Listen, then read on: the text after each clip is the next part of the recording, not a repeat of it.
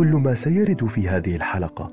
ما هو إلا قناعات مبنية على التجربة والقراءة والمشاهدة لا على الدراسة الأكاديمية والاختصاص.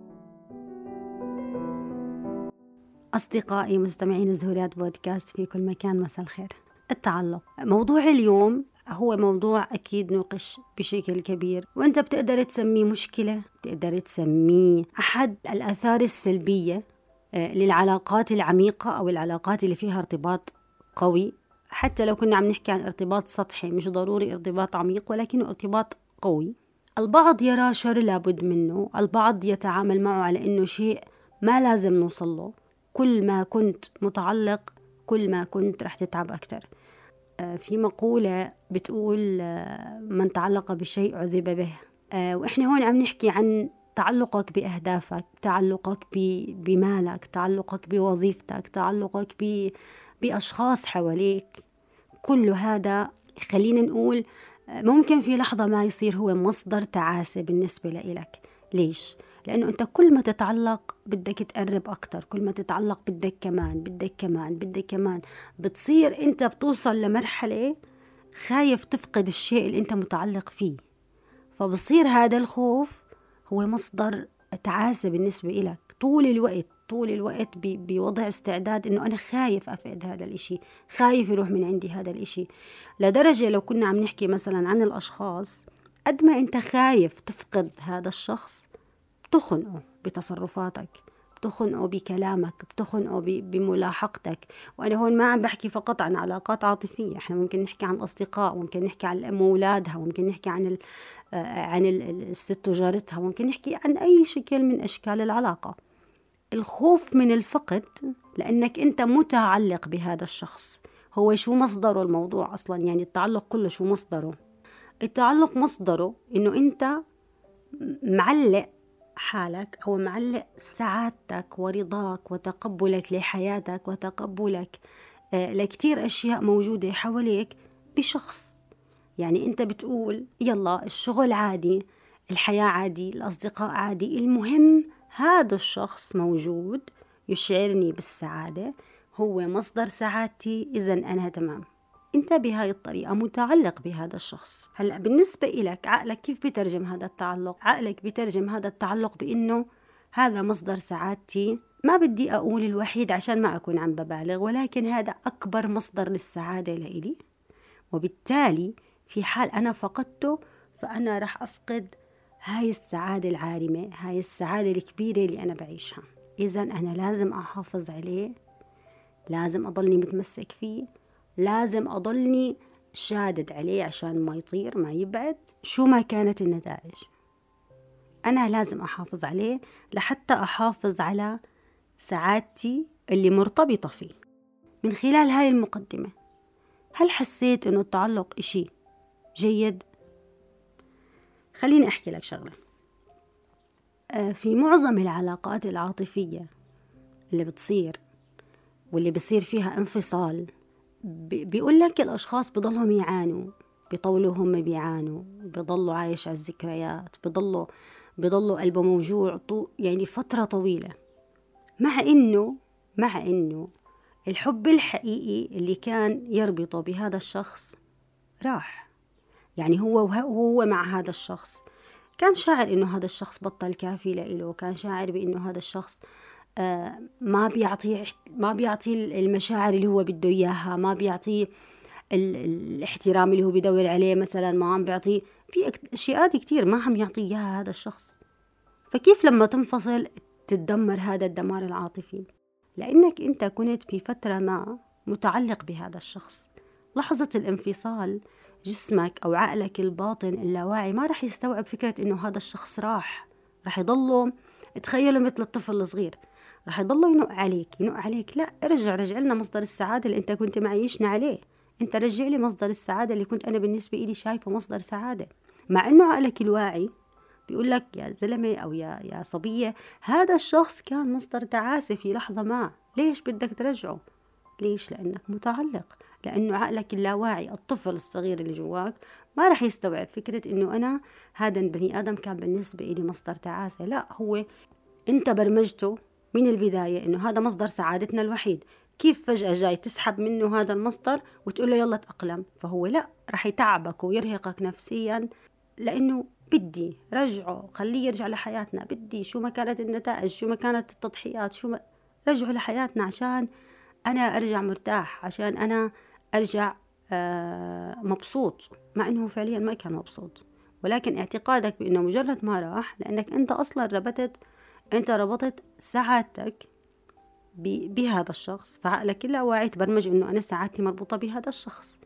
كيف هلأ بدك تحرمني منه؟ التعلق كيف ببلش؟ التعلق ببلش وخليني أركز هلأ شوي على العلاقات العاطفية ولكن أنت بتقدر تسقط هذا الكلام على أي شكل من أشكال العلاقات علاقتك بأصدقائك علاقتك بجيرانك بموظفينك بالشغل أي حدا أو أي شخص أنت تشعر تجاهه بتعلق. آه، ممكن تسقط عليه هذا الكلام اللي رح يصير. ومش بالضرورة نعمم. أنا عم بحكي معظم المشاهدات هيك بتكون. ولكن أنا آه، مش بالضرورة أكون بعمم. ممكن هاي الأشياء ما تنطبق عليك. طبعا هو الفرصة نادرة أنها ما تنطبق عليك ولكن إحنا دائما بنفتح مساحة أو بنفتح مجال لأنه دائما بالعلاقات الإنسانية ما في إشي اسمه واحد زائد واحد يساوي اثنين. ممكن أنت هذا الكلام ما ينطبق عليك فعليا. التعلق كيف بصير؟ الميكانيزم اللي بيشتغل عليه التعلق بيقوم على إنه بدخل شخص لحياتك.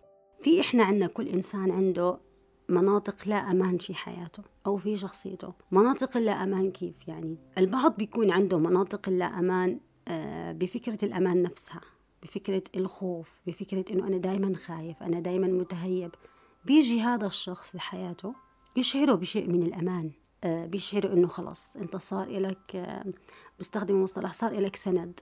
صار إلك ظهر بطلت تخاف صار في حدا في حدا يقدم لك دعم في أي وقت أنت فيه بتحتاج هذا الإشي. هذا ممكن سبب. في بعض الأشخاص بيكون التعلق عندهم بسبب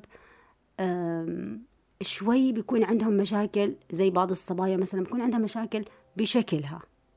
مجرد ما يدخل بحياتها شخص يقعد يحسسها طوال الوقت. لا بلا انت إنسانة جميلة جدا انت إنسانة حلوة انت عيونك حلوين طولك حلو شعراتك حلوين وهي كانت هاي الأمور مش منتبهت لها. بالعكس كانت تشوف حدا حالها حدا مش جميل. إجا شخص قاعد يركز على الاشياء اللي عندها. وأنا بدي بدي أنوه على شغلة. مش حدا مش كل حدا بيقعد بيقول لك أنا حلوة وأنا أمورة وأنا كذا. تصدق إنه فعليا عندها ثقة بالنفس أو ثقة بالشكل عن جد. هذا كله حكي. كل شيء بتسمعه ثمانين بالمية لا تصدق كل شيء بتسمعه يعني. الناس دائما بتحاول تظهر بأفضل صورة. هلأ إحنا مش مش مش مش وظيفتنا نقعد نحكي مع الناس. انت واثقة بحالك انت مش واثقة بحالك انت كذا وانت كذا. ولكن أنا بدي أنوه لهاي الشغلة إنه الإنسان دائما بيحاول يبرز أشياء أه تخبي التعري الروحي اللي عنده. يعني مثلا عنده زي ما قلنا بهاي النقطة مثلا بنقطة إنها هي مش واثقة بشكلها. فإجا شخص قعد يقول لها أنت حلوة بهاي النقطة أنت حلوة بهاي النقطة رح تتعلق رح تتعلق فيه. لأنه عندها نقطة لا أمان بشكلها. فأنت مثلا حدا بعيد تقول لا فلانة ما عندها نقطة لا أمان بشكلها. كيف؟ هي دائما بتقول أنا حلوة. لهيك أنا بقول لك مش كل إشي بتشوفه بتصدق ولا كل شيء بتسمعه بيتصدق. في أشياء جوا النفس البشرية ما حدا بيعرفها إلا الإنسان وخالقه. فإحنا خلينا شوي ماخدين جنب عن موضوع الأحكام. لمس نقطة آه، اللا أمان اللي عند هاي الصبية أو حتى ممكن عند عند شاب يعني مش ضروري دايما المرأة هي اللي يكون عندها هاجس الشكل. في رجال ممكن نسبة قليلة ولكن ممكن بيكون بيعاني من من إنه أنا حدا مش مقبول أو أنا حدا مش جذاب أو أنا حدا آه، ما عندي هذا الحضور. فمجرد ما تيجي صبية تفوت على حياته تحسسه إنه أنت حدا واو إنه أنت حدا مميز حدا كاريزمتك حدا جميل حدا هو شعور عمره بحياته ما, ما حسه. يعني حتى أصدقائه دائما يمكن كانوا دائما أنت شكلك الكذا أنت ولك ما بتفهم إشي. دائما في كلمات إحباط فلما يظهر شخص بحياته يحسسه أنه أنت شغلة مميزة شغلة حلوة. حدا يقدم له آه يقدم له هيك بوش أو دفعة ثقة قوية حدا يغذي الإيجو اللي عنده. راح يصير يستشعر إنه هذا الشخص عم بيقدم لي سعادة عم بيقدم لي شعور حلو. فبضله يتمسك فيه لأنه بده يضله يغذي الإيجو كل ما كان مع هذا الشخص الإيجو عم يتغذى. فبالنسبة له بلا ما يحس بصير هذا الشخص آه، مصدر ل... لسعادة. قد تكون سعادة زائفة ولكنه مصدر شعور حاليا عم بيكون شعور آه، بالأمان شعور بالسعادة شعور بالحب. أو هي مش حب حقيقي طبعا ولكن هو شعور مزيف. أنت تربطه بالحب. هلا أنت تأقلمت على هذا الشعور. خلص عقلك تبرمج عليه. هلا لقدام شو ما اكتشفت؟ العقل تبرمج على إنه هذا بالنسبة لنا مصدر سعادة مصدر أمان. وطبعا نقاط اللا أمان كثيرة يعني في مثلا الشخص اللي, اللي حرم من الحنان والعاطفة الحقيقية وهو صغير من والديه. كبر وصل لعمر معين هو ما بيعرف شو يعني حنان ما بيعرف شو يعني احتواء. يظهر بحياته شخص. هذا الشخص يغدق عليه من الحنان يغدق عليه من السؤال والاهتمام وهاي القصص. هو إنسان كان عنده جوع لهذا الإشي. ما كان بياخده هو صغير ما كان حاصل عليه. يعني الأهل ما عملوا له إشباع عاطفي. فصار في مصدر خارجي يعطيه هذا هذا هذا الحنان اللي هو عم بدور عليه. فهو راح يكون بالنسبة له مصدر سعادة. فراح يتعلق فيه. وفي شغلة مهمة برضه هي ممكن تكون موجودة بكل الحالات الثانية الحالات عدم الأمان ممكن تكون شغلة لحالها شغلة الفراغ. مرات في أشخاص بفوتوا على حياتك هم بس عشان يعبوا فراغ لأنه أنت يمكن أنت ما تكون بحاجة هذا الشخص أو ما بتدور عليه أو مواصفاته ما بتناسبك ولكن لأنه دخل عبى فراغ معين في حياتك سواء كان فراغ عاطفي أو فراغ مادي وقتي. يعني فراغ آه، آه، ساعات يومك دايما فاضية ما فيها إشي فهو فات عبى هذا الفراغ. أو حياتك العاطفية أو أو مشاعرك الحلوة مش عم بتلاقي حدا تسقطها عليه ولا بتلاقي حدا يعطيك مشاعر حلوة. فأنت عم بتعيش فراغ عاطفي. فإجا هذا الشخص عبى هذا الفراغ. فهذا هون انت رح تتعلق فيه لأنك طول الوقت خايف ترجع لمرحلة الفراغ اللي كنت عايشها المشاعر المش حلوة اللي كنت عم بتعيشها وقت ما كان هذا الشخص مش موجود وقت ما كان الفراغ هو اللي موجود. طبعا انت وانت عم تسمع انت بتكون عارف بينك وبين حالك شو نقاط اللا أمان الموجودة عندك. أنا ما راح أعدد لك مليون نقطة أمان ولكن أنا أعطيتك أمثلة. ممكن تدور تقول أنا آه كان عندي نقطة اللا أمان الفلانية.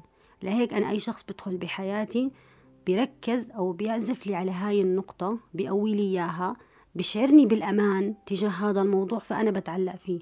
أنت لحالك بتقدر تسقط ظروفك على هذا المفهوم العام. يعني أنا صعب أقعد أفنط لك النقاط اللامان اللي ممكن تكون عند الإنسان لأنها كثيرة ممكن يكون عندنا نقاط أو معظم مش ممكن معظم نقاط اللامان الموجودة عند الإنسان مصدرها الطفولة للأسف. ولهيك لازم لازم الأمهات والأهل يربوا أولادهم تربية حديثة. لما الناس تسمع كلمة تربية حديثة بتقعد تتخوت تقول لك أوه تربية حديثة. الأولاد بتربوا لحالهم. لا ما بتربوا لحالهم.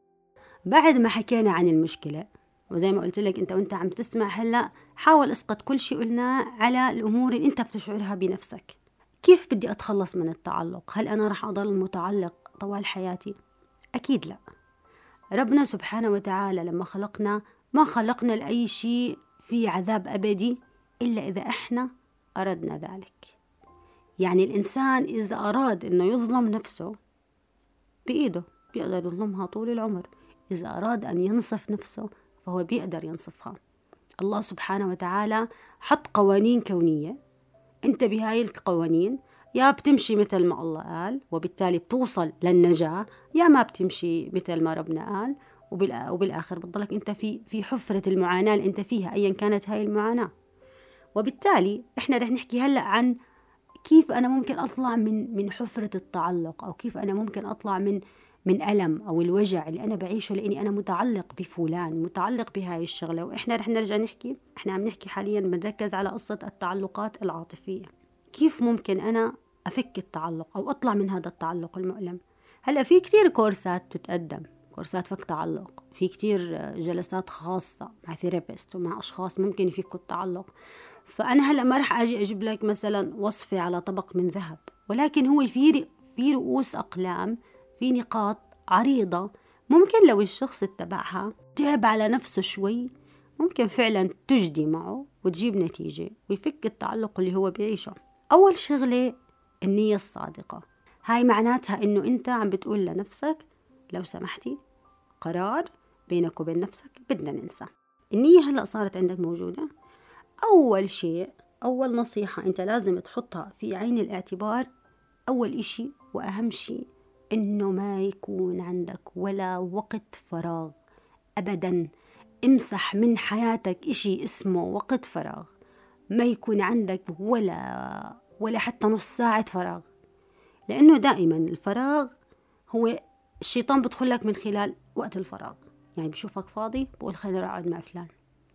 ابعد عن وقت الفراغ. اشتغل اشتغل ضلك اشتغل اشتغل اشتغل. بس تخلص شغل روح اقرأ.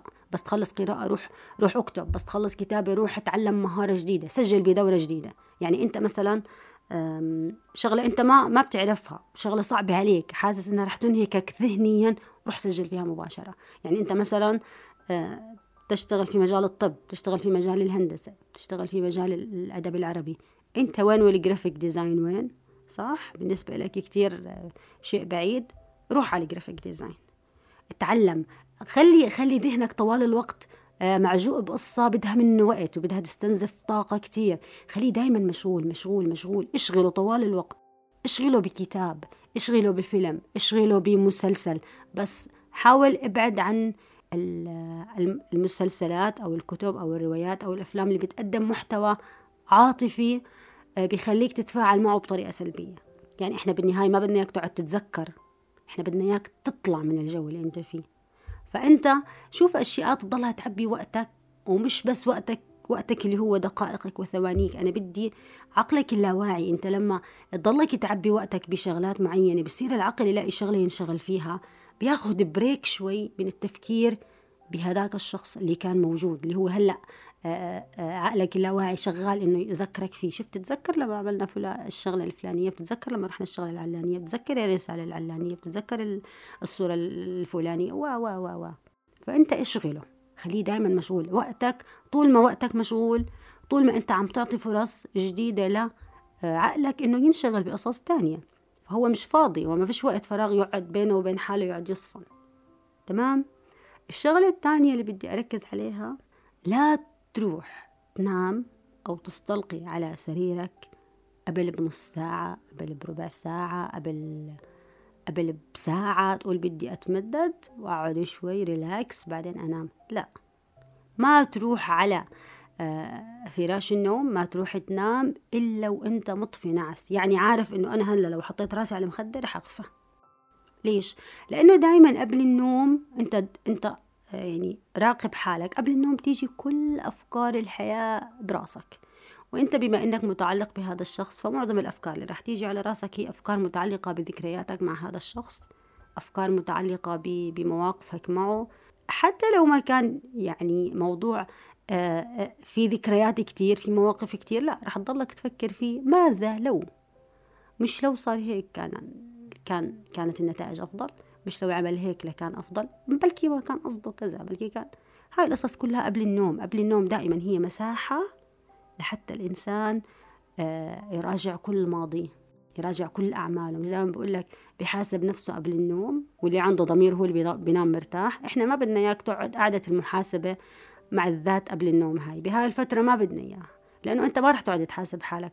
فلان عمل لي وفلان سوالي وأنا عملت غلط وأنا ما رح تعمل هيك أنت رح تستذكر هذا الشخص اللي هو حاليا معبي عقلك اللاواعي. وعقلك بده يستغل الفرصة إنه يلا قعد مع حاله خليني أذكره. في شغلة كمان مهمة. شغلة إنه حاول تدخل أشخاص جداد لحياتك. حاول تتعرف على أصدقاء جداد. لما لما تتعرف على أصدقاء جداد بصير بالنسبة لك عندك فضول تكتشفهم. بتحب تقضي وقت أكتر معهم لحتى لحتى يكونوا هم بالنسبة لك مصدر جديد للفرح للسعادة بس مش ترجع توقع بنفس القصة تقعد تعلق بهدول الجداد كمان. لا إحنا بنحكي إنه يصير في بالنسبة لك مصدر جديد للسعادة للفرح. ناس يعبوا لك وقتك. آه هذا الحكي مع الوقت بيقلص أو بيخلي الشخص اللي أنت متعلق فيه يرجع للخلفية يبطل متصدر المشهد. شوي شوي مع الوقت بصير يرجع للخلفية. هلأ في شغلة كمان آه وهي شغلة عملية. زي ما حكينا التعلق كان سببه هو هرمونات السعادة اللي بي اللي, بيفرز اللي بيفرزها جسمك لأنه كان مع هذا الشخص.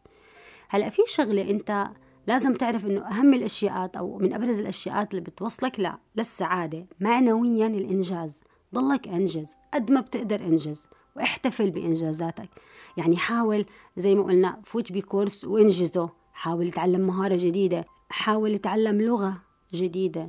يعني مثلا آه، حتى لو مثلا أنت مش حابب تتعلم لغة جديدة خليك مركز مثلا مع لغتك آه، الإنجليزية اللي هي المفروض إنها اللغة الثانية عندك بعد اللغة العربية.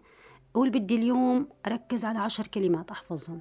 ركز واحفظهم واختبر حالك واعمل كل الاشياء ووصل لمرحلة إنه خلص تمكنت من هدول الكلمات. شوف إيه قد إيه شعورك بإنه ياي أنا حفظت عشر كلمات جداد.